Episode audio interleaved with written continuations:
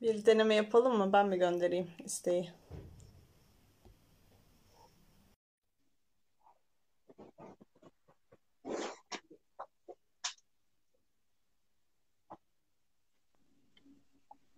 Yine olmadı galiba. Yapacak bir şey yok. Tamam bu şekilde devam edelim o zaman. Evet. Hmm, İyi yayınlar, iyi akşamlar. teşekkür ediyorum. İyi akşamlar. Ee, kısa bir giriş yapayım öyleyse. Ee, Tabii. bugün Cuma Obuz ile sohbet edeceğiz Genç Akıl kanalında. Her pazar 21.00'da olduğu gibi bu pazarda Cuma Obuz ile bir gazetecinin gö- gözünden e, İslamofobinin üretilmesine medyanın rolü hakkında konuşacağız. Ee, çok önemli bir konu ve e, son yıllarda olabildiğince hem Batı'da hem de e, aslında Orta Doğu'da da e, İslamofobinin birçok e, ülkede e, etkisinin olduğunu görüyoruz. Bu kavramın çok fazla kullanıldığını yine medyada görüyoruz.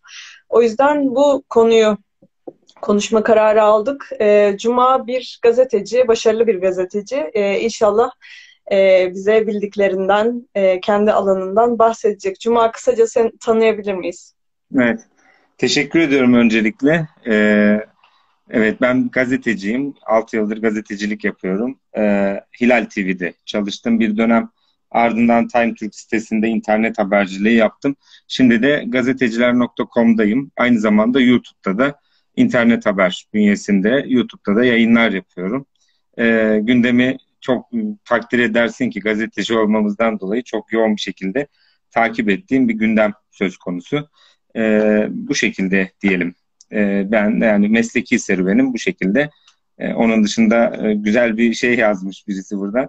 Ee, Cuma deyince bugün e, Cuma zannettim, pazar değil mi demiş. Öyle bir esprili bir şey demiş. evet. Herkese iyi akşamlar diliyorum bu arada. Teşekkürler Cuma. Şimdi e, ilk şu soruyla bir giriş yapmak istiyorum ben. E, çok da merak ettiğim bir konu. Şimdi toplumun yönlendirilmesinde e, medyanın rolü e, nedir? E, sizin camiayı sen daha iyi biliyorsun. E, medya sence insanların e, zihnini şekillendiriyor mu? E, yönlendiriyor mu? E, bu konular hakkında ne düşünüyorsun? Kendi sektöründe yani medya, e, gazetecilik, televizyonculuk bu konularla ilgili düşüncelerini çok merak ediyorum. Evet. Ee, öncelikle medya dediğimiz zaman ben şöyle bir birkaç tane kavramın bilinmesi gerektiğini düşünüyorum. Bu kavramlarla birlikte medyayı okumak gerekiyor. Bunlardan bir tanesi propaganda kavramı, bir tanesi algı yönetimi kavramı. Ee, mesela bu kavramlar e, propaganda, algı yönetimi, işte toplumun yönlendirilmesi gibi, koşullandırma gibi e, işte e, bu, bu tür kavramlarla birlikte okuduğumuz zaman medyayı daha rahat anlayabileceğiz. Çünkü medya dediğimiz şey gerçekten toplumu yönlendirici bir güç. Aslında beşinci e, şey dördüncü büyük kuvvet olarak bilinir. Bilirsin kuvvetler ayrılığı vardır yasama, yürütme, yargı şeklinde. Bu e, devlet yönetimlerinde böyle kuvvetler vardır. Dördüncü kuvvet olarak da medya e, bilinir. Ama bu medya hiçbir zaman resmi olarak bir kuvvet değil, gayri resmi bir kuvvettir. Ama en çok da e, etkisini en yüksek hissettiğimiz kuvvetlerden bir tanesi, güçlerden bir tanesidir medya. Bu açıdan medya, medyanın e, evet haber vermek, insanları haber e, haberdar etmek, bilinç yani bilgi ve, verebilmek onlara gibi bir misyonu vardır. Ama medya elinize bir güç olarak geçtiği zaman o zaman e, toplumların yönlendirilmesi, insanların yönlendirilmesi, algı operasyonları, algı yönetimi gibi konular işin içerisine giriyor. Zaten işleyeceğimiz konuda da bol bol bu meseleleri konuşacağız. Ciddi bir algı yönetiminin olduğunu biliyoruz zaten. Medyanın böyle birkaç rolü var. Mesela e, küçük bir örnek vereyim. E, acımasız dünya sendromu diye bir sendrom var. E, bu 1950'li yıllarda televizyonun ilk çıkmaya başladığı dönemlerde Amerika'da geliştirilmiş bir sendrom, bir tezdir aslında bu. Acımasız dünya sendromu. Televizyonlarda sürekli olarak verilen mesajlar, sürekli haberlerin kötü olması, sürekli karamsar bir tablonun çizilmesiyle acımasız bir dünya sendromu oluşturuluyor şeklinde böyle medya üzerine ciddi okumalar, ciddi tezler yazılmış, yapılmış ve günümüze kadar gelmiş bu süreç. İşte sosyal medyaya kadar gelmiş bu süreç ve bunu çok rahat görebiliyoruz. Dikkat ederseniz e, haberleri açtığınız zaman sürekli olarak kötü haberler haberdir. Haber değeri e, yani iyi şeylerin çok haber değeri yoktur. Varsa bile çok istisna olaylardır mesela. Ve bu ciddi bir algı yönetimidir. Dünyaya karamsar bir tablo çizebilmek için işte işin içerisine dediğim gibi komplo teorileri giriyor, daha farklı şeyler giriyor. Yani medyanın toplum üzerinde ciddi bir etkisinin olduğunu kabul etmek gerekiyor. Çünkü en nihayetinde bizim bilgi kaynağımız daha çok medya, şu, şu sıralar daha çok sosyal medya e, ve bunu görüyoruz. Son olarak işte çok özür diliyorum. E, bu Twitter'ın etkisini konuştuğumuzda dünyadaki birçok sosyal olayın başında Twitter gelmekte mesela. Böyle evet. e, bir etkisinin olduğunu söyleyebilirim medyanın ve sosyal medyanın. Hemen aklıma şu soru geldi. Şimdi karamsar bir insan modeli yaratıyor olmak e, kimin işine yarıyor en çok? Ya da neden böyle e, bir tür var etmek istiyorlar aslında? Hı hı. Onu çok merak ettim. Da, dikkat edersen son dönemlerde kadına şiddet konuları çok yüksek konuşuluyor. Ee, kadına şiddet, kadın cinayetleri, diğer tarz işte çocuk istismarları bilmem neler bunların hepsi çok fazla gündemimizde ve bunların gündemimizde olması yani yaşan, yaşanan olayların nedeniyle gündemimizde. Yoksa bunlar suni üretilmiş olaylar değil. Ama en nihayetinde medyanın bu tür olayları ortaya çıkarmakla birlikte toplumda şiddet, kaos, kargaşa ya da yönlendirilebilir toplumlar haline getirilmesi bilinçlendirmekten ziyade bakın medyanın en büyük tak taktiği vurkaçtır. Yani size bir bilgi bombardımanında bulun, bulunur, bulundurur medyacı, medyacılar. Kendi sektörümü bu arada gömüyorum. Yani e, akademik akademik anlamda bilgi gibi bir derdi yoktur medyada. Medyada demagoji üretmeniz, tartışma üretmeniz, polemik üretmeniz sizin için çok daha iyidir. Çünkü medya böyle medyatik olursunuz ve malzeme üretmiş olursunuz. Bu da toplumun bilgiye, bilince, olaylara daha sığ yaklaşmasını, daha duygusal yaklaşmasını e, sağlıyor. Daha duygusal yaklaştığımız için de daha yönlendirilebilir hale geliyoruz. Çok komplovari gele, gelebilir ama bu da devletlerin, yöneticilerin yahut işte çeşitli bölgelerde e, sosyal e, mühendislik çalışmaları yapan, toplumsal mühendislik çalışmaları yapan güçlerin e, işine gelen bir şey. En nihayetinde bunu da çok rahat kullanıyorlar. Bunun en güzel örneği Arap Baharı'dır. Arap Baharı meselesi mesela ciddi anlamda e, şeyin yönlendirdiği, medyanın, sosyal medyanın yönlendirdiği ve ülkelerin içerisinde kargaşa ve kaosun çıktığı ve en nihayetinde yine e, küresel güçlerin bölgede kazanımlarına e, ek, ekmeğine yağ sürecek şekilde sonuçlanan bir olaydı. Yani ben e, küçük bir örnek vereyim bununla ilgili. Sonra diğer soruya geçelim. Mesela Change.org var bilirsiniz. E, evet. Change.org mesela ne yapar? E, anketler yapar, imzalar toplar, imza kampanyaları yapar değil mi? E, size mesela mailinize bir Change.org'dan bir şey gelir. Der ki size işte çocuk istismarına karşı şu kadar imza topluyoruz. İşte şuradaki şu olaya karşı bu kadar imza topluyoruz. Bu imzaları toplamalarının ana nedeni Change.org'un elinde ciddi bir veri tabanı oluşuyor bununla birlikte. Ve bu oluşan veri tabanıyla birlikte dünya haritasında ciddi anlamda bir hassasiyet haritası çıkarıyorlar. Toplumların hassas noktaları nelerdir bunları görüyorlar bir şekilde. O bizim her attığımız imza aslında bir taraftan da bunu sağlıyor. Evet çok kullanışlı, evet çok gerekli, belki de e, ciddi anlamda yaptırım gücü var Change.org'un ama en nihayetinde böyle bir e, sonuca da bizi götürüyor ve mesela Türkiye'de hangi konulara toplum daha duyarlı, hangi konulara daha duyarsız şeklinde bir elinizde veri olursa çok rahat orada olay çıkarabilirsiniz. Böyle bir durum da söz konusu yani. Valla şahane ya. e, bununla ilgili bir e, yorumunu dinlemiştim bir siyaset bilimcinin. E, o şunu söylüyordu. Aslında bir düdüklü tencereye benzetiyor toplumu. Ve e, toplumun arada bir e, gazının alınması gerekiyor ki o düdüklü tencere patlamasın. Gazının alınabilmesinin yöntemlerinden biri de aslında topluma zaman zaman e, müdahale edebilirsiniz, durumu değiştirebilirsiniz. Evet böyle sorunlar var fakat bir imza attığınızda dünya değişir gibi. Hem e, insanların e, sosyal sorumluluk noktasında daha fazla sorumluluk almamaları ve sorunlarla ilgili çözüm üretme çabası gayreti içinde olmamaları için e, bu tarz çalışmaların ön plana çıktığını anlatıyordu. Ee, eğer ki ben Change.org'da e, işte hayvan hakları ile ilgili bir imza e, atıyorsam, bunu da duyuruyorsam, bakın böyle bir çalışmaya imza attım diye, e, bununla ilgili bilimsel araştırmalar da var. İnsanlar bir adım sonrasında e, o olayla direkt yüzleştiklerinde durumu değiştirme e, gayretleri, çabaları çok çok çok daha az oluyor. Aslında düdüklü tencerenin gazı alınıyor. Evet, vicdani tatmin sağlamış oluyorsunuz. Çok rahat bir şekilde. Ben imzamı attım. Bu tıpkı yardım kuruluşlarına mesajla yardım göndermek gibi. Ben 5 liramı gönderdim. Tamam ben üzerime düşen görevi yaptım şeklinde. Ya da ne bileyim işte e, bu imzamı attım. Üzerime düşeni yaptım. Evet o da var ama sizin yapmanız gereken çok daha önemli. Sizi daha hareketli hale getirmek gerekiyor. Ama en nihayetinde dediğim gibi medya bir taraftan da komple teorileriyle e, özellikle son dönemlerde komple teorileri çok gündemdeydi. Medyanın böyle bir etkisi de var. Çok uzatmayacağım. Mesela deprem olur, depremi harp teknolojisine bağlarsınız. Bunu medya ile herkese duyurursunuz. İşte dersiniz ki depremler yapay. Bizi deprem e, bize işte deprem üretiyorlar ki biz e, yaşamayalım. Türkiye'ye karşı şöyle böyle vesaire. Bu tür komplo teorileriyle birlikte de aslında insanların e, korku psikolojisi içerisine girmesini sağlayabilecek bir yönü var. Ve korku psikolojisine girdiğiniz zaman ya da e, kaybedilmişlik yani çaresizlik sendromu dediğimiz çaresiz olduğunuzu düşündüğünüz zaman hareket edemezsiniz, bir şey yapamazsınız, ses çıkaramazsınız. E, elbet başımızdan geçecektir deyip bir şekilde itaat etmeye başlarsınız. O yüzden medyanın birçok açıdan çok etkisi var. Bunlar hep olumsuz etkilerini saydım ama olumlu yönde etkileri de var elbette.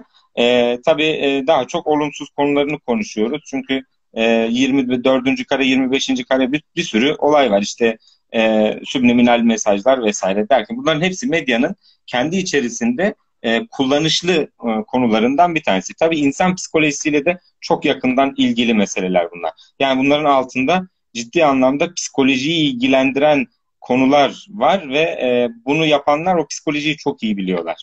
Çok iyi Freud okuyorlar, çok iyi e, Jung okuyorlar vesaire vesaire yani. Çok güzel. Ee, peki şimdi medya hakkında konuştuk. Medyanın ne kadar önemli olduğunu hepimiz fark etmiş olduk.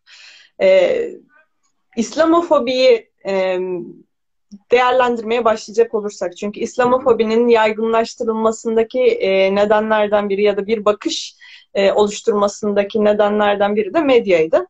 Şimdi İslamofobi nasıl başladı? E, bu düşünceyi işte ilk tetikleyen e, olaylar neler oldu, nerede başladı? Bu konularla ilgili senden bilgi alacak olursak neler düşünüyorsun? Tabii. Şimdi İslamofobi kavramı çok yeni bir kavram. Aslında çok e, eski bir kavram değil.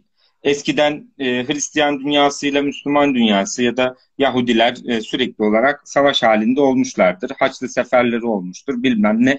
Karşılıklı olarak e, fetihler, e, işgaller, savaşlar söz konusu olmuş zaten. Fakat İslamofobi kavramı özellikle İkinci Dünya Savaşı'ndan sonra artık e, birebir savaşların, e, toprak savaşlarının olmadığı, artık güç savaşlarının olduğu, artık e, ekonomik savaşların olduğu bir dönemde, ekonomik, kültürel birçok açıdan e, global savaşların, e, soğuk savaş dönemi de bunun içerisine girer, sonraki dönemde bunun içerisine girer. Olduğu dönemlerde özellikle birçok şey değişmiştir. Yani savaş ya da işte düşman algısında ciddi anlamda değişimler olmuştur. Mesela Amerika Birleşik Devletleri ile Rusya arasındaki e, yani Sovyetler Birliği arasındaki çekişme Sovyetlerin yıkılması ve dağılmasıyla birlikte Amerika'nın artık küresel anlamda bir e, zaferiyle sonuçlanmış bir süreç. Ondan sonra Amerika ve Avrupa'nın özellikle müttefik olan Amerika ve Avrupa'nın yönünü çevirdiği bir İslam dünyası var. Artık çünkü Sovyetler yıkıldıktan sonra artık yeni e, problemimiz e, Müslümanlar İslam dünyasıdır diyerek e, yeni bir şey üretmişlerdir, düşman üretmişlerdir kendilerine ve yönlerini Orta Doğu'nun zengin topraklarına, Orta Doğu'nun her anlamda zengin topraklarına gözlerini dikmişler. Ve bugün görüyorsunuz zaten Orta Doğu'yu kan götürüyor, kan gölü, her taraf kan gölü yani.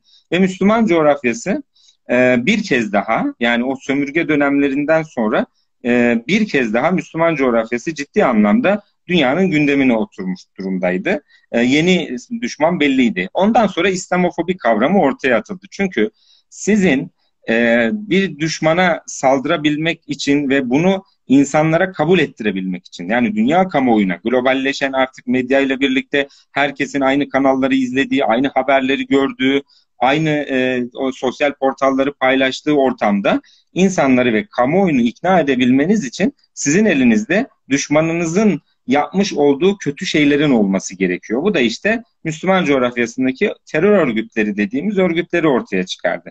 İşgaller, işgallerin ardından ortaya çıkan örgütler ve örgütlerin yapmış olduğu marjinal hareketler e, bir müddet sonra kullanılabilir bir alan haline geldi ve İslamofobi kavramı böylece Müslümanların e, artık bir terörist algısıyla Batı dünyasında, Batı Doğu diye ayırmak istemiyorum ama anlaşılsın diye söylüyorum. Batı dünyasında Müslümanların terörist olarak algılanmasına neden oldu bu durum. Ve e, onlar... Bu sorabilir miyim? Araya girmiş olacağım, özür diliyorum. E, bu algının oluşturulmasındaki nedenlerden biri de şu olabilir mi peki? E, aslında sömürü yapılmaya başlanacak ancak bu sömürü yapıldığında vicdani olarak e, diğer ülkelerden bir red ortaya çıkacak ve Hı-hı. o red ile karşılaşmamak amacıyla e, o e, işgal edilen toprakların hali hazırda zaten iyi insanlardan oluşmadığını ve bu tür işgal ile onlara özgürlüğün, adaletin, e, demokrasinin e, gidişiyle birlikte aslında onlara kötülük yapılmadığını ve iyilik yapıldığını göstermek amacıyla mı e, İslamiyet bu kadar e, kötüleniyor? Çünkü e, evet sömürsünler ama neden İslam kötüleniyor diye böyle çok basit bir soru soracak olursam sana. Evet. Tam olarak dediğin gibi e, oraya demokrasi götürmek, oraya şey götürmek için oradaki insanların kötü olması, demokratik olmaması, medeni olmaması e, gerekiyor. Ya da bunu bu şekilde anlatmanız gerekiyor. Yani e, bu ve bunu çok iyi e, oynadılar ciddi anlamda. Şimdi e, küresel e, şeyler var. E, uluslararası örgütler var, uluslararası yapılar var. Mesela Birleşmiş Milletler bunlardan bir tanesidir. E, mesela NATO e, şeye karşı, Sovyetler Birliği'ne karşı kurulmuş bir ordudur ama şu sıralar İslam dünyasına karşı daha çok e, mesela Afganistan'da NATO birlikleri bulunur, Irak'ta NATO birlikleri bulunur, her yerde NATO birlikleri bulunur. Yani aslında e, uluslararası örgütleri kullanmak üzere dediğin o amacı e, işlemişlerdir ve yapmışlardır. Ve bunun içinde aslında e, ciddi anlamda şöyle bir e, nasıl diyeyim Orta Doğu'da, Orta Doğu toplumlarında, Müslüman coğrafyada e, aslında onlar için elverişli bir ortam da var.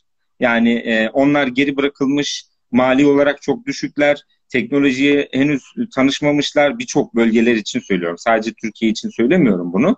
E, birçok bölge için böyle elverişli bir ortamları var.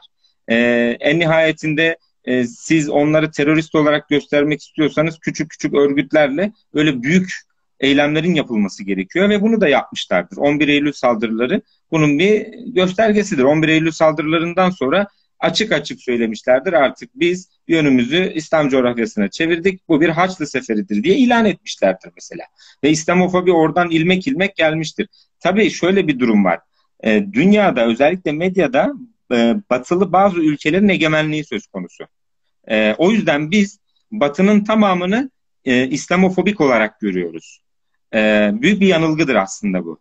11 Eylül saldırıları döneminde Amerika Birleşik Devletleri ve Avrupa'nın birçok yerinde e, Usame Bin Laden'e ve El-Kaide'ye karşı e, böyle onlar teröristtir, onlar kötüdür algısı üretilirken Güney Amerika ülkelerinde Brezilya gibi, Venezuela gibi ülkelerde Usame Bin Laden kahraman ilan edilmiştir. Bakın bu çok ilginç bir şeydir. Ve o bölgelerde Müslüman olma e, şeyleri artmıştır, e, vakaları artmıştır. Neden? Çünkü Amerika Birleşik Devletleri'nin emperyal, emperyal yapısını o bölgeler çok daha iyi biliyorlar. Bir dönem Vietnam çok çekti onlardan. Bir dönem işte Brezilya, Güney Amerika ülkeleri Amerika Birleşik Devletleri'nden çok çektiği için onlara karşı koyan bir El-Kaide, bir Müslüman örgüt yani tırnak içinde söylüyorum bunu göründüğünden dolayı onlar da mesela e, e, sempati beslemeye başlamışlardır. Yani işin bu boyutu da var.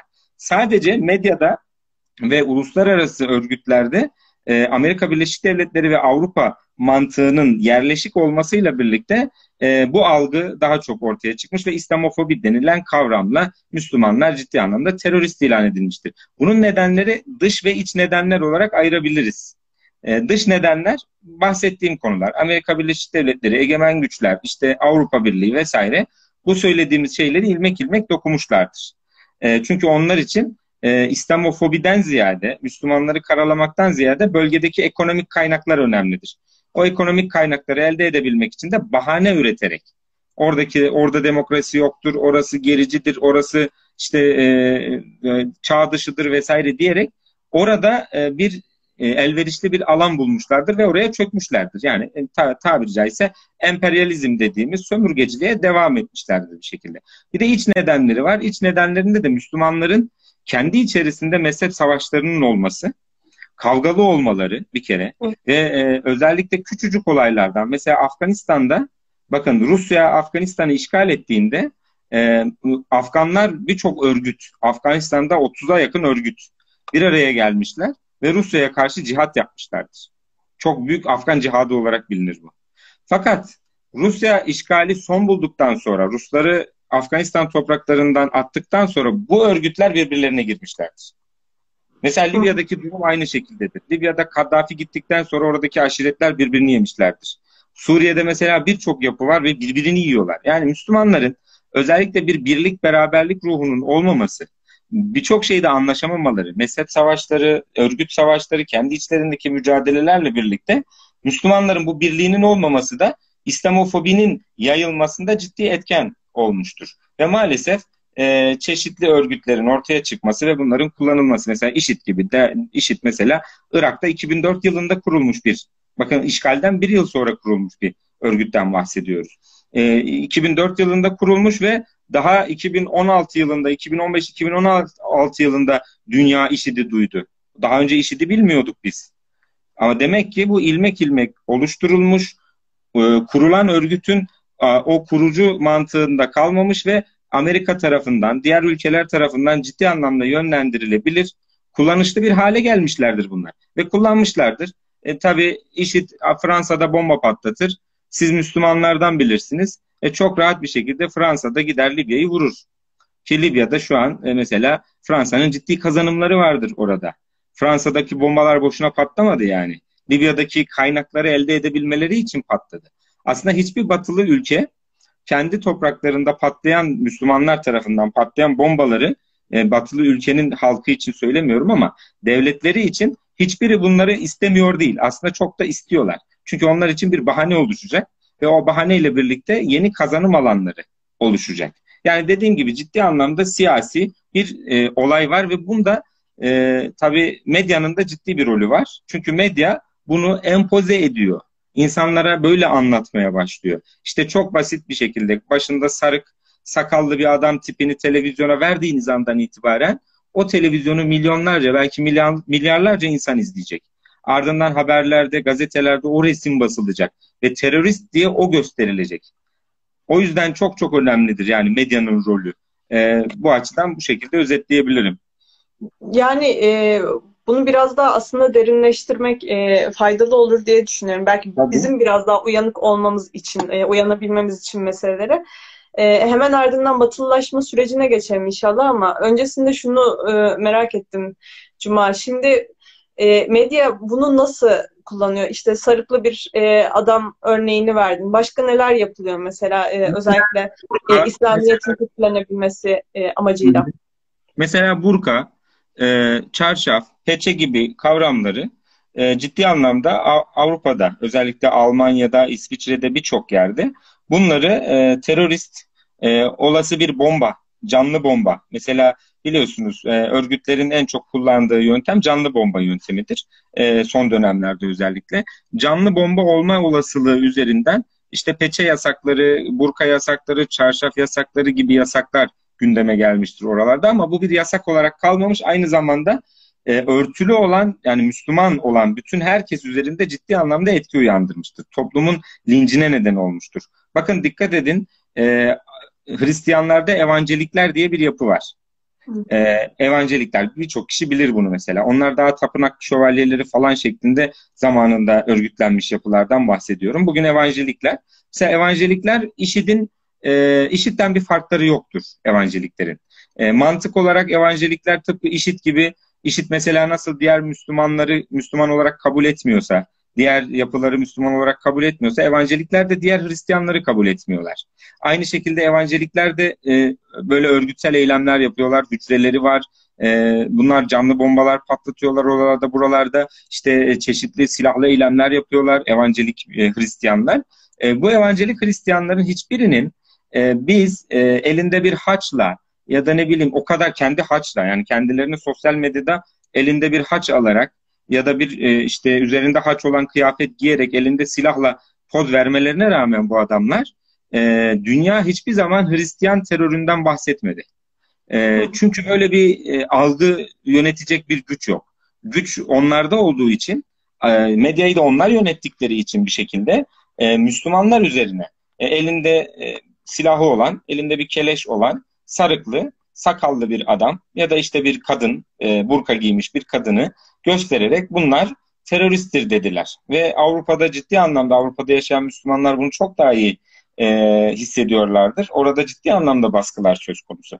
E, işte Amerika'da aynı şekilde ciddi anlamda baskılar söz konusu. Dönem dönem bu çok çok artıyor hatta.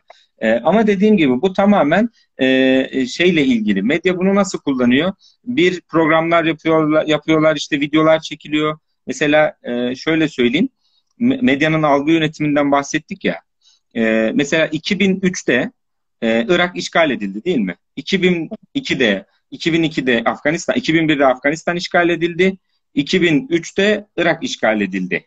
11 Eylül saldırılarından sonra. Dikkat edin o dönemin e, Hollywood filmlerini şöyle bir listeleyin. Tamam mı?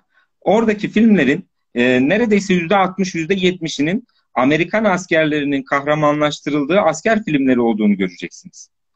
Bunun aynısını Vietnam'da da yaptılar. Kamuoyunu ikna edebilmek için tamamen bu. Amerikan askeri iyidir. Amerikan askeri kahramandır. Bakın filmini izlediğimiz zaman mesela çok en bilinen şey mesela Er Ryan'ı kurtarmak değil mi? Mesela hani öyle bir e, film vardır mesela. E, oradaki Er Ryan e, karakterini oynayan Matt Damon e, mesela e, ana karakter ve biz o ne kadar Amerikalı da olsa e, biz Müslümanlar olarak onu izlediğimizde o adamın kurtulmasını isteriz. E, çünkü başrol oyuncusudur. Böyle bir olay var değil mi? Yani başrol oyuncusu ne kadar kötü olursa olsun, ne kadar arka planında mesajlar içeriyor olursa olsun biz başrol oyuncusu tarafındayız. O bizim için e, önemli olan odur. E, ya mesela tıpkı şey gibi e, Rocky'nin e, e filminde Rocky Amerikalıdır. E, Amerikan e, şeyi giyerek, şortu giyerek bo boksa çıkar. Karşısındaki Rus'tur. E, tam o dönem Sovyetler Birliği, Amerika Birliği, Amerika Birleşik Devletleri çatışmasının olduğu dönemdir. Bunlar he, hepsi komplo gibi geliyor ama hiçbiri komplo değil. Bunlar kullanılan olaylar. Mesela IŞİD bunu çok güzel kullanmıştır ve Batılılar yapmıştır bunu. Nasıl? Ee, IŞİD'in 2004'te ben hatırlıyorum o zaman Mersin'deydim daha e, e ilkokul öğrencisiydim. 2004-2005'te Irak'a gidip e, Irak'ta e, geri dönemeyen ya da sakat şekilde dönen şeyler oldu e, Türk tır şoförleri oldu. Onların hepsini e, orada işit militanları yakaladılar. YouTube'a attılar o videoları, kestiler, işte e, öldürdüler oradakileri. Tamam mı? E, orada o videolardan günümüzde mesela IŞİD'in çok daha büyük prodüksiyonlu e, katliamlarını görmeye başladık. Ben neredeyse tamamını izledim onların. Gerçekten artık içinizin böyle alamayacağı şeyler e, araştırma yaptığım dönemde izlemiştim IŞİD'le ilgili. E, o işte kafa kesme sahnelerinden tutun onları toplamaları bildiğiniz Hollywood filmi gibi. Müthiş bir altyapı var. Ve bu altyapıyı sağlayan işi de batıdan sağlanan katılımlardır. Mesela IŞİD'in müziklerini yapan Fransız bir e, rockçıdır, bir rapçidir mesela. E, şimdi bunlar hepsi işlenmiş olaylar. E, ve o müzikleri yaparken, o prodüksiyonu yaparken etkilemeye çalışırlar. Ne, neyi etkilemeye çalışırlar? Vahşeti normalleştirmeye çalışırlar. Ee, işte şöyle bir örnek vereyim sana. Bir kafa kesme sahnesini, işidin kafa kesme sahnesini sana izlettiğimde, ilk izlettiğimde belki izleyemezsin. Böyle yüzünü falan kapatırsın. Ee, yüzün ekşir. O anki tepkin. Ama yüzüncü defa aynı şeyi izlettiğimde tepkisizleşmeye başlarsın. Anlatabiliyor muyum? Yani yüzüncü defa izlediğinde artık o sana normal gelmeye başlar. İşte şiddetin normalleşmesi, terörün normalleşmesi, işte Müslümanların terörist olarak gösterilmenin normalleşmesiyle birlikte toplumu da özellikle bakın son dönemlerde Avrupa'da ve Amerika'da aşırı sağ dediğimiz, İslamofobi dediğimiz çok yükseldi. Müslümanlara karşı, göçmenlere karşı bunun nedenlerinden bir tanesi de son dönem Suriye'deki olaylar ve o e, göç, göçmenler mesela hani göçmen meselesi İslamofobiyi tetik, tetiklemiştir. Ve bundan dolayı Amerika'da ve Avrupa'da ciddi anlamda aşırı sağ yükselmiştir. Bunun o toplum artık ikna olmuş durumda orada ve Müslümanlara karşı bir hınç iç, içerisinde olmuşlardır. Medyanın bu şekilde birçok açıdan e, ciddi etkileri var. Bunu demek istiyorum yani. Şimdi e, bizim ülkemize gelecek olursak bir batılılaşma sürecinin içindeyiz. E, batılılaşma sürecini e, nasıl değerlendiriyorsun? E, Biz bu sürecin içinde nasıl bulunuyoruz ve e, batılılaşma bizim İslamiyet'e bakış açımızı etkiliyor mu, değiştiriyor mu? E, eş zamanlı olarak şu soruyu da sormak istiyorum. E, geleneksel dini inancı bir köşeye bırakıp e, Kur'an'a yönelen e, insanlar da var. Yani mezhepler zaten Kur'an'dan 200 yıl sonra ortaya çıktı. E, aslında Hı. mezheplerin sonradan üretildiği için mezhep e, bir mezhebe dahil olmak yerine Kur'an'a e, yönelen insanlar da var. İkisini böyle birleştirecek olursak batılılaşma süreciyle ilgili Anladım. düşünceleri çok merak ediyorum. Hı hı. E, bu arada Nuran Hocam katılmış. E, o, o filmler kurgulanmış işler diyor. Ben de kesinlikle katılıyorum. IŞİD'in çekilmiş olduğu o filmler kurgulanmış filmlerdir bu arada. Birçoğu o yüzden dedi prodüksiyon, ciddi bir prodüksiyondur. Ee, Nurhan Hocama da buradan selam söylüyorum Ankara'dan. E, e, profesör kendisi. E, şimdi şunu diyeceğim. Batılılaşma dedik yani Türkiye'de batılılaşma dediğimiz olay Osmanlı'nın son dönemi de demeyeyim de hatta Kanuni Sultan Süleyman'dan sonra başlayan süreçle batılılaşma ile ilgili şeyler e, yaşanmış ve bu çok uzun bir konu, tarihsel bir süreç ve bu süreç içerisinde aşama aşama birçok şey değişmiş durumda. Ama bunu batılılaşma olarak algılayanlar var, modernleşme olarak algılayanlar var, çağdaşlaşma olarak algılayanlar var ya da işte her dönemin kendi içerisinde getirdiği meseleler olarak algılayanlar var. Ee, günümüzde mesela daha çok globaldir. Mesela ben şöyle bir şey söyleyeyim sana, batılılaşmadan ziyade e, mesela batı dediğimiz zaman Hristiyan toplum akla gelir değil mi?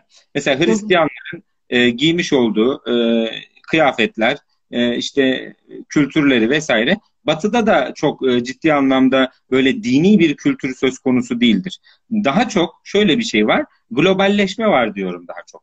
Mesela bizim burada giydiğimiz bir elbiseyle e, Fransa'da giyilen bir elbise arasında bir fark yok. Aynı elbise Fas'ta da giyiliyor, Cezayir'de de giyiliyor, başka yerlerde de giyiliyor. Yani aslında bu bir globalleşme dediğimiz bir süreç söz konusu. Yani elbise elbise üzerinden verdim örneği ama birçok açıdan verebiliriz bunu.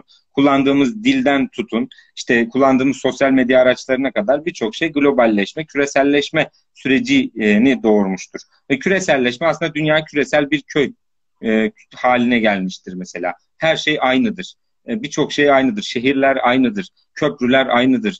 E, birçok şey birbirinin taklididir e, o yerellik dediğimiz olay kaybolmuştur. Ben bunun için sırf derim yani yaşasın yerellik derim. Yani yerellik çok önemlidir. Şiveyi o yüzden çok e, değerli bulurum ben mesela. Hani o çok önemli bir şeydir. Ben batılılaşma olarak okumuyorum bu meseleyi ama en nihayetinde Türkiye'de batı ile e, Türk ya da işte bizim kendi e, kültürümüz arasında bir e, şey de var, bir mücadele de var. Biz bunu batılılaşma olarak okuyoruz çünkü. En nihayetinde bütün e, yaşanan ahlaksızlıkların e, kökenini batılılaşmaya yormuşuz zamanında. Muhafazakarlar özellikle bunu çok yapmışlar. E, işte batı batıya yormuşlar bütün yozlaşmışlıkları, şunları bunları. E, ben bunları bu şekilde değil de daha böyle e, öz eleştirel şekilde okunması gerektiğini düşünenlerdenim. Öz eleştirimizi kendimiz yaptıktan sonra dejenere de olmayız, kültürümüzü de koruruz. E, ben bu konuda işte bir şey e, son okuduğum kitaplardan bir tanesi yani e, kültür emperyalizmi diye bir kitap vardı. Kültür emperyalizminin olduğu bir dönemde kendi kültürümüzü koruyabilmek e, en doğru olanıdır diye düşünüyorum. Batılılaşmayı bu şekilde. Ha, siyasal açıdan bakarsanız o çok ayrı bir konu. Özellikle Cumhuriyet'in kurulmasıyla birlikte batılılaşma denilen süreç e, çok daha hızlanmıştır. E, çünkü Cumhuriyet'in kurulması, e, çağdaş bir devletin kuruluyor olması ve temelinin atılırken özellikle bir e, toplum mühendisliğinin yapılmış olması. Bunu kötü anlamda söylemiyorum. E, na, yani nasıl anlarlarsa o şekilde söylüyorum. Bir toplum mühendisliği kesinlikle yapıldı o dönemde. Toplum değiştirildi. Her kodlarıyla oynandı. Toplumun kodlarıyla oynandı. Bu doğrudur, yanlıştır. Bu ayrı bir tartışma. Ama en nihayetinde bir e, o dönemde, Cumhuriyet döneminde böyle bir olay gerçekleşti. Ve bununla birlikte e, işte Cumhuriyet, demokrasi, eşitlik, e, işte kadın hakları vesaire gibi birçok konu insanların gündemine geldi. Fakat ben şunu şöyle söylüyorum. Batı'nın bize dayattıkları çok önemli. Yani Batı'nın dediğim egemen güçlerin burada. Batı'dan kastım Rusya'da olabilir. Yani hatta e, e, Çin'in dayattıkları ayrı bir şeydir. Amerika Birleşik Devletleri'nin dayattığı ayrı bir şeydir. En nihayetinde bunlar hep dayatmalardır. Dayattıklarının iç, içeriğinin boşluğundan bahsediyorum ben. Nasıl bir örnek vereceğim ben sana şimdi. E, bunu bir yazımda da yazmıştım. E, inşallah paylaşırım. E, 1991 yılında Cezayir'de e, bir seçim yapılıyor. E, bildiğiniz demokratik bir seçim. Cezayir. Yani Afrika'nın Müslüman bir e, şey ülkesi. E, ve seçimde e, Müslüman Parti dediğimiz yani daha muhafazakar, daha İslami hatta isimleri de öyle galiba. İslami bilmem ne partisi şeklinde hatam hatırlamıyorum. E, Müslümanların kurmuş olduğu e, daha böyle dindar bir parti olan parti e, gayri resmi rakamlara göre yüzde yetmişin üzerinde e, resmi rakamlara göre de yüzde elli sekizin üzerinde oy alarak birinci parti oluyor ve tek başına iktidara geliyor. Bak bir demokrasi örneğidir bu. Katılım oranı yüzde doksan beş. Evet. Dünyanın hiçbir yerinde bak o zamana kadar hatta ondan sonra da dünyanın hiçbir yerinde özellikle batıda katılım oranının yüzde 95 olduğu bir seçim söz konusu bile değil. Yüzde 58'de, yüzde 60'da, yüzde 70'de iktidara gelen yapılar söz konusu değiller. Ve ciddi bir demokratik bir şey bu. Yani bir demokrasi dersi verdi Cezayir halkı. O kadar söyleyeyim. Yani madem demokrasi buysa. Fakat ne oldu biliyor musun? Fransa ve Amerika Birleşik Devletleri seçimlerden hemen sonra ard arda açıklamalar yaptılar. Seçimin sonucundan endişeliyiz diye bir açıklama yaptılar. 10 gün sonra orada darbe oldu. Ve Cezayir halen darbeyle yönetiliyor. 1991 yılından bu yana. Yani neredeyse 30 yıldır yani 30 yıl mı oluyor? Aynen. Neredeyse 30 yıldır Cezayir darbeyle yönetiliyor ve Cezayir halkı sinmiş durumda. Bir şeyleri kabul etmiş durumda. Fransa'nın sömürgesini iliklerine kadar hissetmiş durumdalar artık. Şimdi bunu, bunu bahsediyorum. Yani Batı'nın bize dayattıkları, dayattığı demokrasi kavramı, diğer kavramlar e, o kadar içi dolu şeyler değil. Onu dolduracak olan bizleriz. E, o anlamda ciddi anlamda öz eleştirimizi yapmamız gerekiyor. Kendi e, kavramlarımızı gündeme getirmemiz gerekiyor. Mesela istişare kavramını gündemimize getirmemiz gerekiyor. Biraz bahsettiğim Kur'an, daha Kur'an merkezli çalışmalar olduğu zaman mesela siyasette ve yönetimde adalet kavramı, şura kavramı vesaire birçok kavram ortaya çıkacak. Bunları yeni baştan kendimiz e, modernize etmemiz gerekiyor. Günümüze uyarlamamız gerekiyor ama biz bu anlamda çok çalışmıyoruz. Maalesef bizden daha çok çalışıyor onlar. O yüzden başarılılar. O yüzden bizi tahakküm altına almışlar. Biz daha az çalışıyoruz. Bu bir gerçek yani. Peki sence e, siyasetin din üzerinde bir tahakkümü var mı e, şu dönemde? Hem Orta Doğu ülkeleri için, e, İslam ülkeleri için daha doğrusu bunu e, soruyorum hem de Türkiye için soruyorum. E, siyasetin her dönem dinin üzerinde bir tahakkümü olmuştur. Çünkü e, şöyle bir şey, siyaset dediğiniz şey e, her anlamda yönetimdir. Yani sizi yönetir. Sizin dini meseleleriniz üzerinde de söz hakkı olduğunu düşünür kendisinde. E, aileniz üzerinde de olduğunu düşünür. E, işte birçok açıdan sizin üzerinizde bir tahakkümünün olduğunu düşünerek hareket eder zaten yönetimler. Ben öyle bir yönetim dünyanın hiçbir yerinde görmedim tam tersi işleyen. Birçok şeye karışmayan bir yönetim varsa bilmiyorum. E, ben görmedim, ben denk gelmedim. En nihayetinde böyle. Ama Orta Doğu'da çok daha yüksek. Neden yüksek biliyor musun? Orta Doğu'da çünkü dinle devlet aslında çok kopuk değiller. Mesela din devlet ayrımı dediğimiz laiklik kavramı Batı'da ciddi anlamda bu üzerine çalışılmış, uygulamalar yapılmış, çeşitli farklı uygulamalar var. Mesela Amerikan tarzı laiklik var, Fransız tarzı laiklik var, yarı laik, daha daha pardon daha katı bir laiklik var orada mesela. Ee, İngiliz tarzı laiklik var. Bu tarzlar ortaya çıkmış ama Orta Doğu'da biz ithal etmişiz ya da Türkiye'de laiklik anlayışla biz anlayışı dediğim gibi kendimiz üretmemiz gerekirken kendimiz işte kendi e, kodlarımızla bu işi oturup yapmamız gerekirken ithal ettiğimizden dolayı e, bu meseleleri e, maalesef toplumun dokusuyla çok uyuşmamış birçok şey ve yanlış uygulanmış ve zulüm doğurmuş. Mesela laiklik adı altında hem Türkiye'de hem Av şey, e, Orta Doğu'da yapılanlar aynı şekilde şeriat adı altında yapılanlar bunların hiçbiri gerçekten üzerine düşünülmüş, e, üzerine işte bir yönetişim e, meselesi üzerine bir şeyler yapalım denmiş olaylar değil. Türkiye'de de ve Orta Doğu'da da Müslüman coğrafyada özellikle devlet ve dinin birbirinden çok böyle e, bağımsız olmaması e, birbiri üzerinde tahakkümü e, şart koşuyor. E, tahakküm etmezseniz çünkü size bir şey doğacak, alternatif doğacak. Yani mesela e, işte şey e, irtica dediğimiz mesele bundan e, neşet etmiştir. Aynı şekilde e, Türkiye'de tarikatlar, cemaatler devletin içerisinde e, bir şeyler yapmak istiyorlar, oraya sızmak istiyorlar ve yapıyorlar da yapanları var. İşte bunun en net örneği FETÖ. Bu tür yapılar da mesela devletle dinin birbirine alternatif olarak görmelerinden kaynaklanan meseleler. ya da birbirlerini kullanabilecek birbirlerine tam böyle e, net bir şekilde ayrım işte işlerini işlerine odaklanmış yapılar değiller. Ama Avrupa'da birazcık daha öyle. E, o açıdan devletin e, din üzerinde ya da dini yaşantı üzerinde değil, din üzerinde demeyeyim. Ama dini yaşantı üzerinde tahakkümü her dönem olmuştur. Her yerde de olmuştur. Müslüman coğrafyada da bu vardır yani. Yok desem yalan olur. Peki Cuma, e, şimdi şunu soracak olursam. E, laiklik e, bize yukarıdan geldi. Yani halk tarafından alttan kaynayan bir e, kazan gibi değildi. Alttan e, işte halkın isteğiyle, e, talepleriyle hı hı. gerçekleşmedi. Yukarıdaki e, yönetimden e, gelen istekler e, doğrultusunda hareket edilmiş oldu. Bunun etkilerini hala yaşıyoruz, görüyoruz.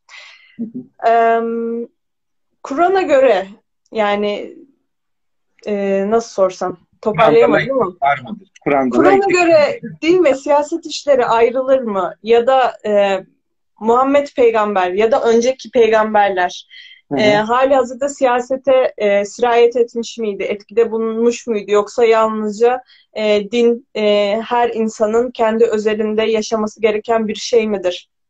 diye bir soru e, yöneltmek evet. istedim. İyi bir soru. E, peygamber e, sadece peygamber değil aynı zamanda Mekke'deki ve Medine'deki devletin başkanıydı. E, bunu biliyoruz. E, Musa Aleyhisselam aynı şekilde siyasi bir e, iş yapmıştır ve İsrailoğullarını e, Firavun'un zulmüne karşı ayaklandırmıştır. Daha sonradan o da bir e, sistem kurmuştur. E, daha farklı peygamberlerden bahsedecek olursak bunların hepsi bir şekilde siyasetin içerisinde olan insanlar. Yani peygamberler aynı zamanda. Çünkü Allah'ın göndermiş olduğu vahiler e, her şey hakkında bir şey söylerler. Yani her konuda bir e, muhakkak bir e, öncülüğü, bir rehberliği, bir e, nasıl söyleyeyim bir e, bakış açısı vardır. Yani her şey böyle her konuda böyle didik didik etmez ama bir bakış açısı sunar. Yani bu da devlet açısından da bir bakış açısı sunar Kur'an. Ama Kur'an'da devlet kavramı hiç geçmez. Mesela bu çok ilginçtir. Kur'an'da siyaset kavramı da geçmez, devlet kavramı da geçmez, devlet başkanı kavramı da geçmez. Ama ulul emir geçer mesela. O daha farklı bir şeydir. Mesela işte e, onun yerine devletin yerine aranızdaki işleri birbirinizle danışarak, istişare ederek yapın der. Mesela bunu daha geniş kapsamlı alır. O devlet işleri de onun içerisine girer. İşte e, hükmedince adil hükmetmemiz gerektiğini söyler. İşte adaletsiz olmamız gere olmamamız gerektiğini ifade eder e, birilerine danışarak işte onlara danıştıktan sonra bir karar verdiğinde de onda sebat et.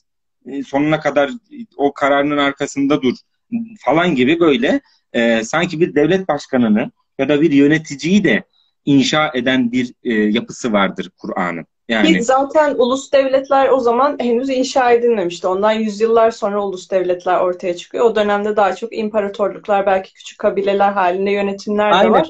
Buranın o yüzden yönetim e, şekli, e, yönetim şekli dediğimiz mesela demokratik de olabilir, totaliter de olabilir. Bunlar tamamıyla bizim ürettiğimiz şeyler. Ancak Kur'an'ın vurguladığı ahlaki tutumlar var. Mesela işlerinizi istişare ile, Aynen. istişare yoluyla yürütün ya da e, mesela şeyden yani liyakat, liyakattan e, bahsediyor. Aynı zamanda Aynen. adam kayırmacılığı eleştiriyor Kur'an.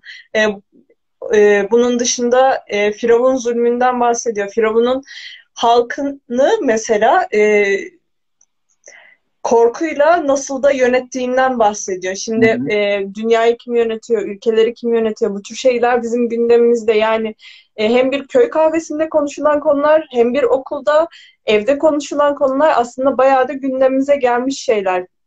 Biz bunları neden konuşuyoruz? Bunları gündemimize kimler getiriyor? Aslında bunları da tek tek sorgulamamız gerekiyor. Örneğin e, Musa peygamber Firavun'un karşısına çıktığında e, Firavun ona diyor ki sen bizim içimizde yetiştin. Seni ben doyurdum e, demek istiyor yani. E, şimdi gelip e, bana mı baş kaldırıyorsun gibi bir cümle söylüyor. E, Oysa ki Musa da orada cevabı söylüyor tabii. Yani senin zaten zulmünden dolayı ben e, senin yanında yetiştim. Eğer zulmetmemiş olsaydın senin evinde de yetişmeyecektim gibi bir cevap veriyor. Veya e, halkı e, biz alemlerin Rabbine e, iman ettik dediğinde Firavun tekrar bir yöntem kullanıyor. İşte çaprazlama olarak e, evet. ellerinizi ve bacaklarınızı keseceğim. E, bir korku ile yönetme durumu var ki bu korku e, durumunda Musa peygamber e, de bir korkuyla gidiyor. Şimdi biz e, tabii bizim ülkemizde bu var mıdır yok mudur nasıl oluyor cemaatlerden mi bu kadar korkuyoruz dini liderlerden mi siyasi liderlerden mi e, şimdi gördüğüm şöyle bir sıkıntı var e, insanlar aynı zamanda tamam like olmayalım ama hı hı. o zaman cemaatlerin de ne yaptığını görmüyor muyuz diye bir soru soruyorlar haliyle. Evet. Yani ülkeyi kendileri e, işte insanları öldürerek 15 Temmuz olayını yaşadık ondan bahsediyorum.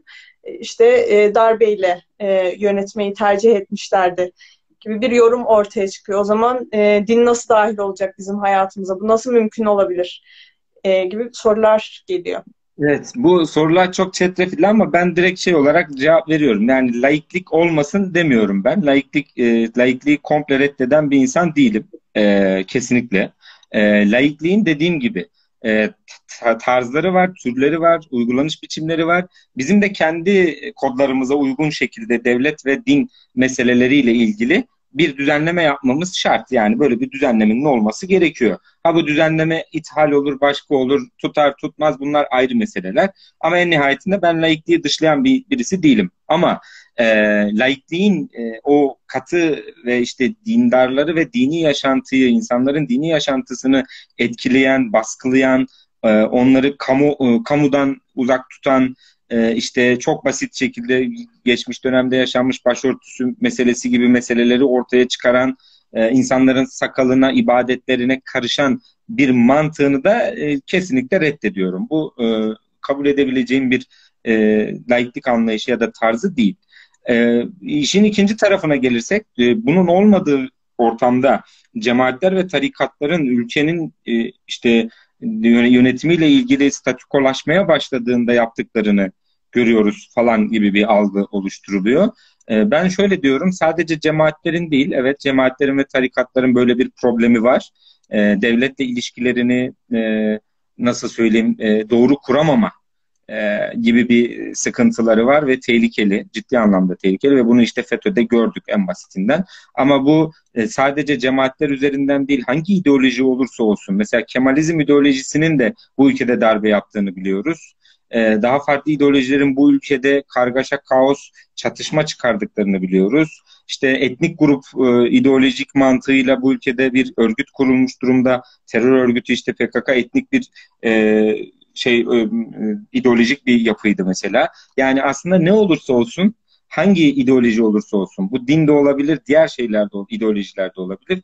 Bunlar devletle ilişkilerini doğru düzlemde kurmadıkları sürece devleti ele geçirme, devlete tahakküm etme, diğer insanları, kendisinden farklı olan insanları bir şekilde onları yönetme, onları baskılama gibi bir mantık içerisine girdiklerinde hepsi azmanlaşıyor. Hepsi darbeye e, tevessül ediyor. Hepsi başka başka işler içerisine giriyorlar. Ya da kendi çıkarları doğrultusunda her şeyi kullanıyorlar. Bundan ne cemaatler ne tarikatlar bundan şey kendini kurtarabilir. Hepsinin böyle bir mantığı var. Bunların hepsini dışlamak zorundayız. Biz şunu söylüyoruz. Yani ben en nihayetinde şunu diyorum. Diyorum ki bir insan bir tarikata mensup olabilir. Hiçbir problem yok. Bir insan bir cemaati de mensup olabilir. Bunda da bir problem yok. Bir ideolojik yapıya da mensup olabilir. Bunda da hiçbir problem yok. Önemli olan o ideolojik yapının e, hedeflerini, cemaatinin, tarikatının hedeflerini e, yerine getirebilmek için devleti ve bu toplumu kullanıp kullanmadığına bakmamız gerekiyor.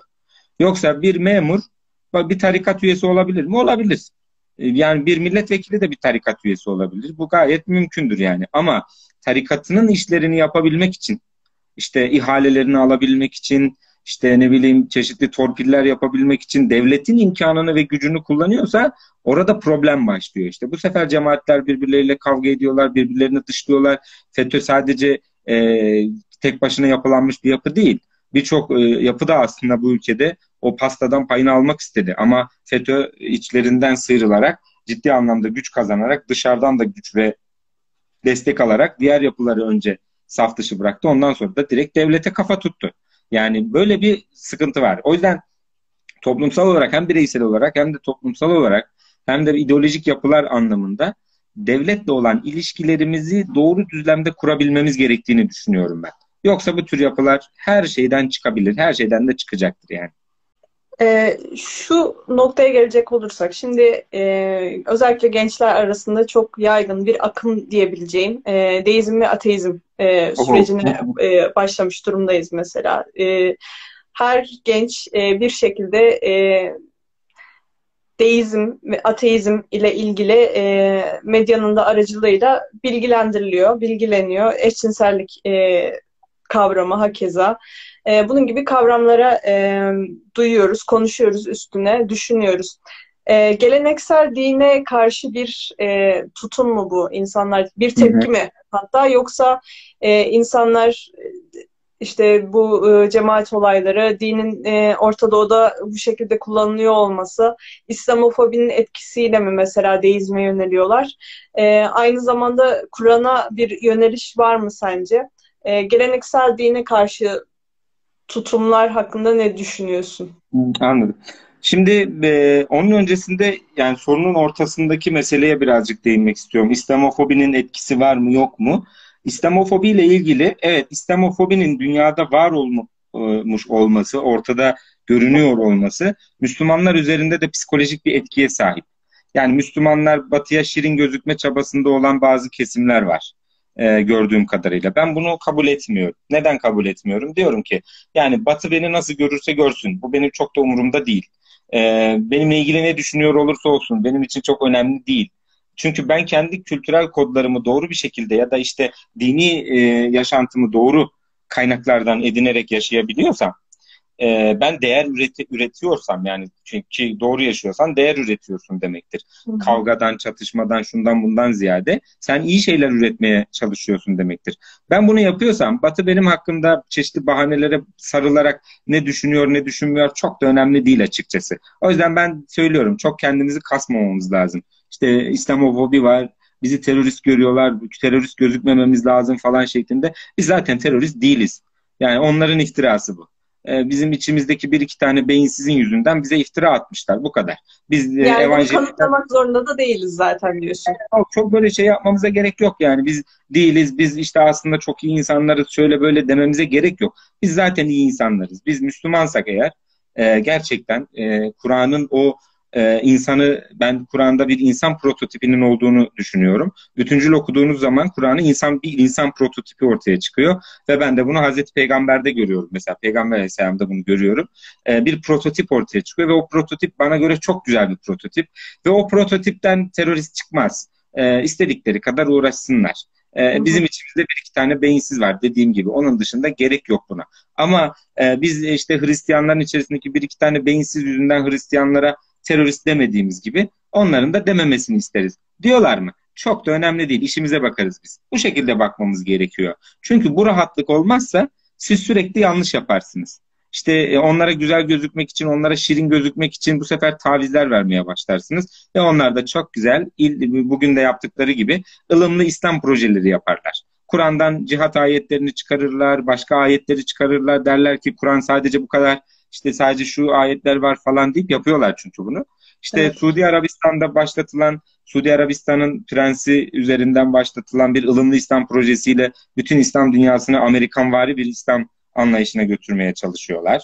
Bu tür projeleri yaparlar. Biz kendimizi böyle psikolojik olarak şeyi hissetmezsek, rahat hissetmezsek. O yüzden rahat olalım diyorum. E, işin ikinci kısmı yani bu e, ateizm ve deizm meselesi aslında e, birçok açıdan ele alınması gereken bir konu. E, ben işin şu boyutunun önemli olduğunu düşünüyorum. E, özellikle genç kesimi e, ya da birazcık sorgulayıp e, birazcık e, aklını çalıştıran, birazcık belli başlı şeyleri sorup soruşturan kesimlerin bir tepkiselliği olarak görüyorum bunu. Aslında geleneksel din demeyeyim de hani dini yorumların yanlış yorumların, dini yanlış yorumlayarak ortaya çıkan yapıların dejenere olması, işte onların ahlaksızlıkları, onların dinden kopuk ama din adına yaptıkları olaylara karşı bir tepkisellik söz konusu. Ve bu tepkisellik dolayısıyla e, onları dinden gördüğümüz için, onları dindar gördüğümüz için şeklen e, gençlerimizde de işte dine karşı bir tepkisellik olarak ortaya çıkmış durumda. Yani e, sarıklı cübbeli bunu kimse yanlış anlamasın. Sarıklı cübbeli işte dindar son derece dindar görünümlü bir insanın e, işte torpil yaptığını gördüğünde işte e, çeşitli ahlaksızlıklar yaptığını gördüğünde, işte böyle uçtu kaçtı meseleler anlatıp dinden, e, hayattan kopuk şeyler anlattığını gördüğünde o adamı dindar olarak gördüğü için bu sefer din de böyle diyor ve bu şekilde sorgulamalar içerisinde bir uzaklaşma yaşıyor. Böyle, bu, bu çok yaygın. E, tabii sadece buna bağlamamak lazım. Bunun daha farklı şeyleri var. İşte Kur'an üzerinden de soru çıkaranlar oluyor. Ateistler işte birçok soru soruyorlar. Makul soruları da var cevaplanması gereken soruları da var. Ama saçmaladıkları noktalar da var. E, ama en nihayetinde bu senin geleneksel dinden kastını e, söylüyorum ben. Ona karşı bir tepkisellik olarak ortaya çıkmış durumda bu. E, işte e, FETÖ'de bunun en büyük halkası 15 Temmuz darbe girişimiyle birlikte o günden bugüne şöyle bir şey yapılsın, anket yapılsın, bir araştırma yapılsın, şu ortaya çıkacak. İnsanların 7'den 70'e dine karşı güvenleri zedelendi. Çünkü FETÖ dini kullanarak, dini argümanları kullanarak bir darbe girişiminde bulundu. İnsanları katletti. Ee, ve bundan dolayı da insanlar dine karşı da bir güvensizlik duymaya başladılar. Ya da işte dini yapılara karşı da yani son derece iyi niyetli yapılar var, iyi niyetli insanlar var. İşte devlette ya da şurada burada çok adil davranan ya da işte liyakata önem veren insanlara dahi e, o kötü örneği gördüklerinden dolayı daha rezervli yaklaşmaya başladılar. Haksızlar mı? Haklılar. Yani ben olsam ben de öyle düşünürüm. Yani bana din adına gelmiş burada katliam yaparsan ben de öyle düşünürüm. Ama e, biraz daha akıllı mantıklı düşündüğümüzde dinin o insanların tekelinde olmadığını biz fark ediyoruz. Dinin kendisinin bir yapısının olduğunu, özellikle İslam dininin kendi yapısının olduğunu, bu yapının çözülmesi gerektiğini, bu yapıyı da çözebilmek için en sağlam kaynağında Kur'an olduğunu, Kur'an'a başvurmamız gerektiğini ya da işte daha böyle sağlıklı tarihsel bilgiler ya da hadisler dediğim sağlıklı tarihsel bilgiler e, odağında bir şeylerin yapılması gerekiyor. E, ve bizim işte ben açıkçası e, bu güvensizliğin belli bir müddet devam edeceğini düşünüyorum. Ateizm ve deizm şeyler yönelimlerini. Neden devam edecek? Çünkü e, FETÖ darbe girişiminin 15 Temmuz darbe girişiminin etkileri halen bitmiş değil. E, ve bu bence e, yani siyasi etkilerinden bahsetmiyorum. E, toplumsal etkileri insanların dine karşı bakış açısında, dini yaşantıya karşı bakış açısına e, vermiş olduğu zararları bana göre bir 20 yıl daha sürecek. Daha daha fazla da sürebilir. E bunun için mücadele etmemiz gerekiyor. Doğru olanı anlatmamız gerekiyor. İşte sizin yaptığınız bu çalışmalarda aslında birazcık da doğru, hani kaynağı yönlendiren e, çalışmalar. O açıdan bu tür çalışmaların artması gerektiğini düşünüyorum ben. İnşallah öyle olur. Son e, iki dakikamız kaldı Cuma. Paylaştıkların, anlattıkların için çok teşekkür ederim. E, şahsen benim e, adıma e, çok faydalı oldu. Bir gazetecinin gözünden olayları e, irdelemek e, ayrıca bir güzellik kazandırdı. Yalnızca bir gazeteci değil, e, bir Müslümanın gözüyle de aslında olayları değerlendirmiş olduk. E, son olarak söylemek istediklerim varsa onları da e, sen de alalım inşallah. Daha sonra yayınımıza son verelim. Tamam, çok kısa bahsedeyim. Ee, İslamofobi ile ilgili olsun, deizm, ateizmle ilgili olsun çeşitli raporlar var. Bu raporlara eğer merak edenler varsa baksınlar. SETA'nın İslamofobi raporu çok iyi. Her yıl bir tane çıkarıyorlar zaten. Ona baksınlar. Çeşitli kitaplar var. İşte İbrahim Kalın'ın İslamofobi ile ilgili kitabı var. Buna bakmasın, bakılmasında yarar görüyorum. İşte medya ile ilgili birkaç tane şey önerebilirim. Beşinci Kuvvet diye bir film var. O filmi izlemelerini isterim. Wikileaks belgeleri. Başlı başına konuşulabilecek bir olay aslında. E, medya ile ilgili önemli bir filmdir. Güzel bir filmdir. Sosyal medya ile ya da internetle ilgili daha çok. Bir de hepimiz kullanıyoruz sosyal medya. Hepimiz bir propaganda yapıyoruz aslında. İnşallah sağlıklı, güzel propagandalar yapalım. E, bu tarz çalışmaları da destekliyorum sonuna kadar. İnşallah çok çok daha iyi yol alırsınız. Çok daha iyi yerlere gelirsiniz genç akıl olarak. E, daha güzel yayınlar yaparsınız diye e, beni de davet ettiğiniz için, te, et, ettiğiniz için teşekkür ediyorum. E, izleyicilere de buradan teşekkür etmek istiyorum. İnşallah çok teşekkür ediyorum e, güzel evet. duaların için. E, ben de yine seni takipte olacağım. E, Bir e, anlattıklarını da zaten e, takipte olmamız gerektiğinde bana kalırsa zaten açık bir şekilde gösteriyor. Teşekkür evet. ediyorum. Anlattıkların, paylaştıkların için e, her pazar 21.00'da olduğu gibi haftaya tekrar pazar günü 21.00'da burada olacağız. Yeni bir konukla, başka bir konuyla burada olacağız. Dinleyicilerimize teşekkür ediyorum. Yayını kapatıyorum. İyi akşamlar diliyorum. Ben iyi akşamlar.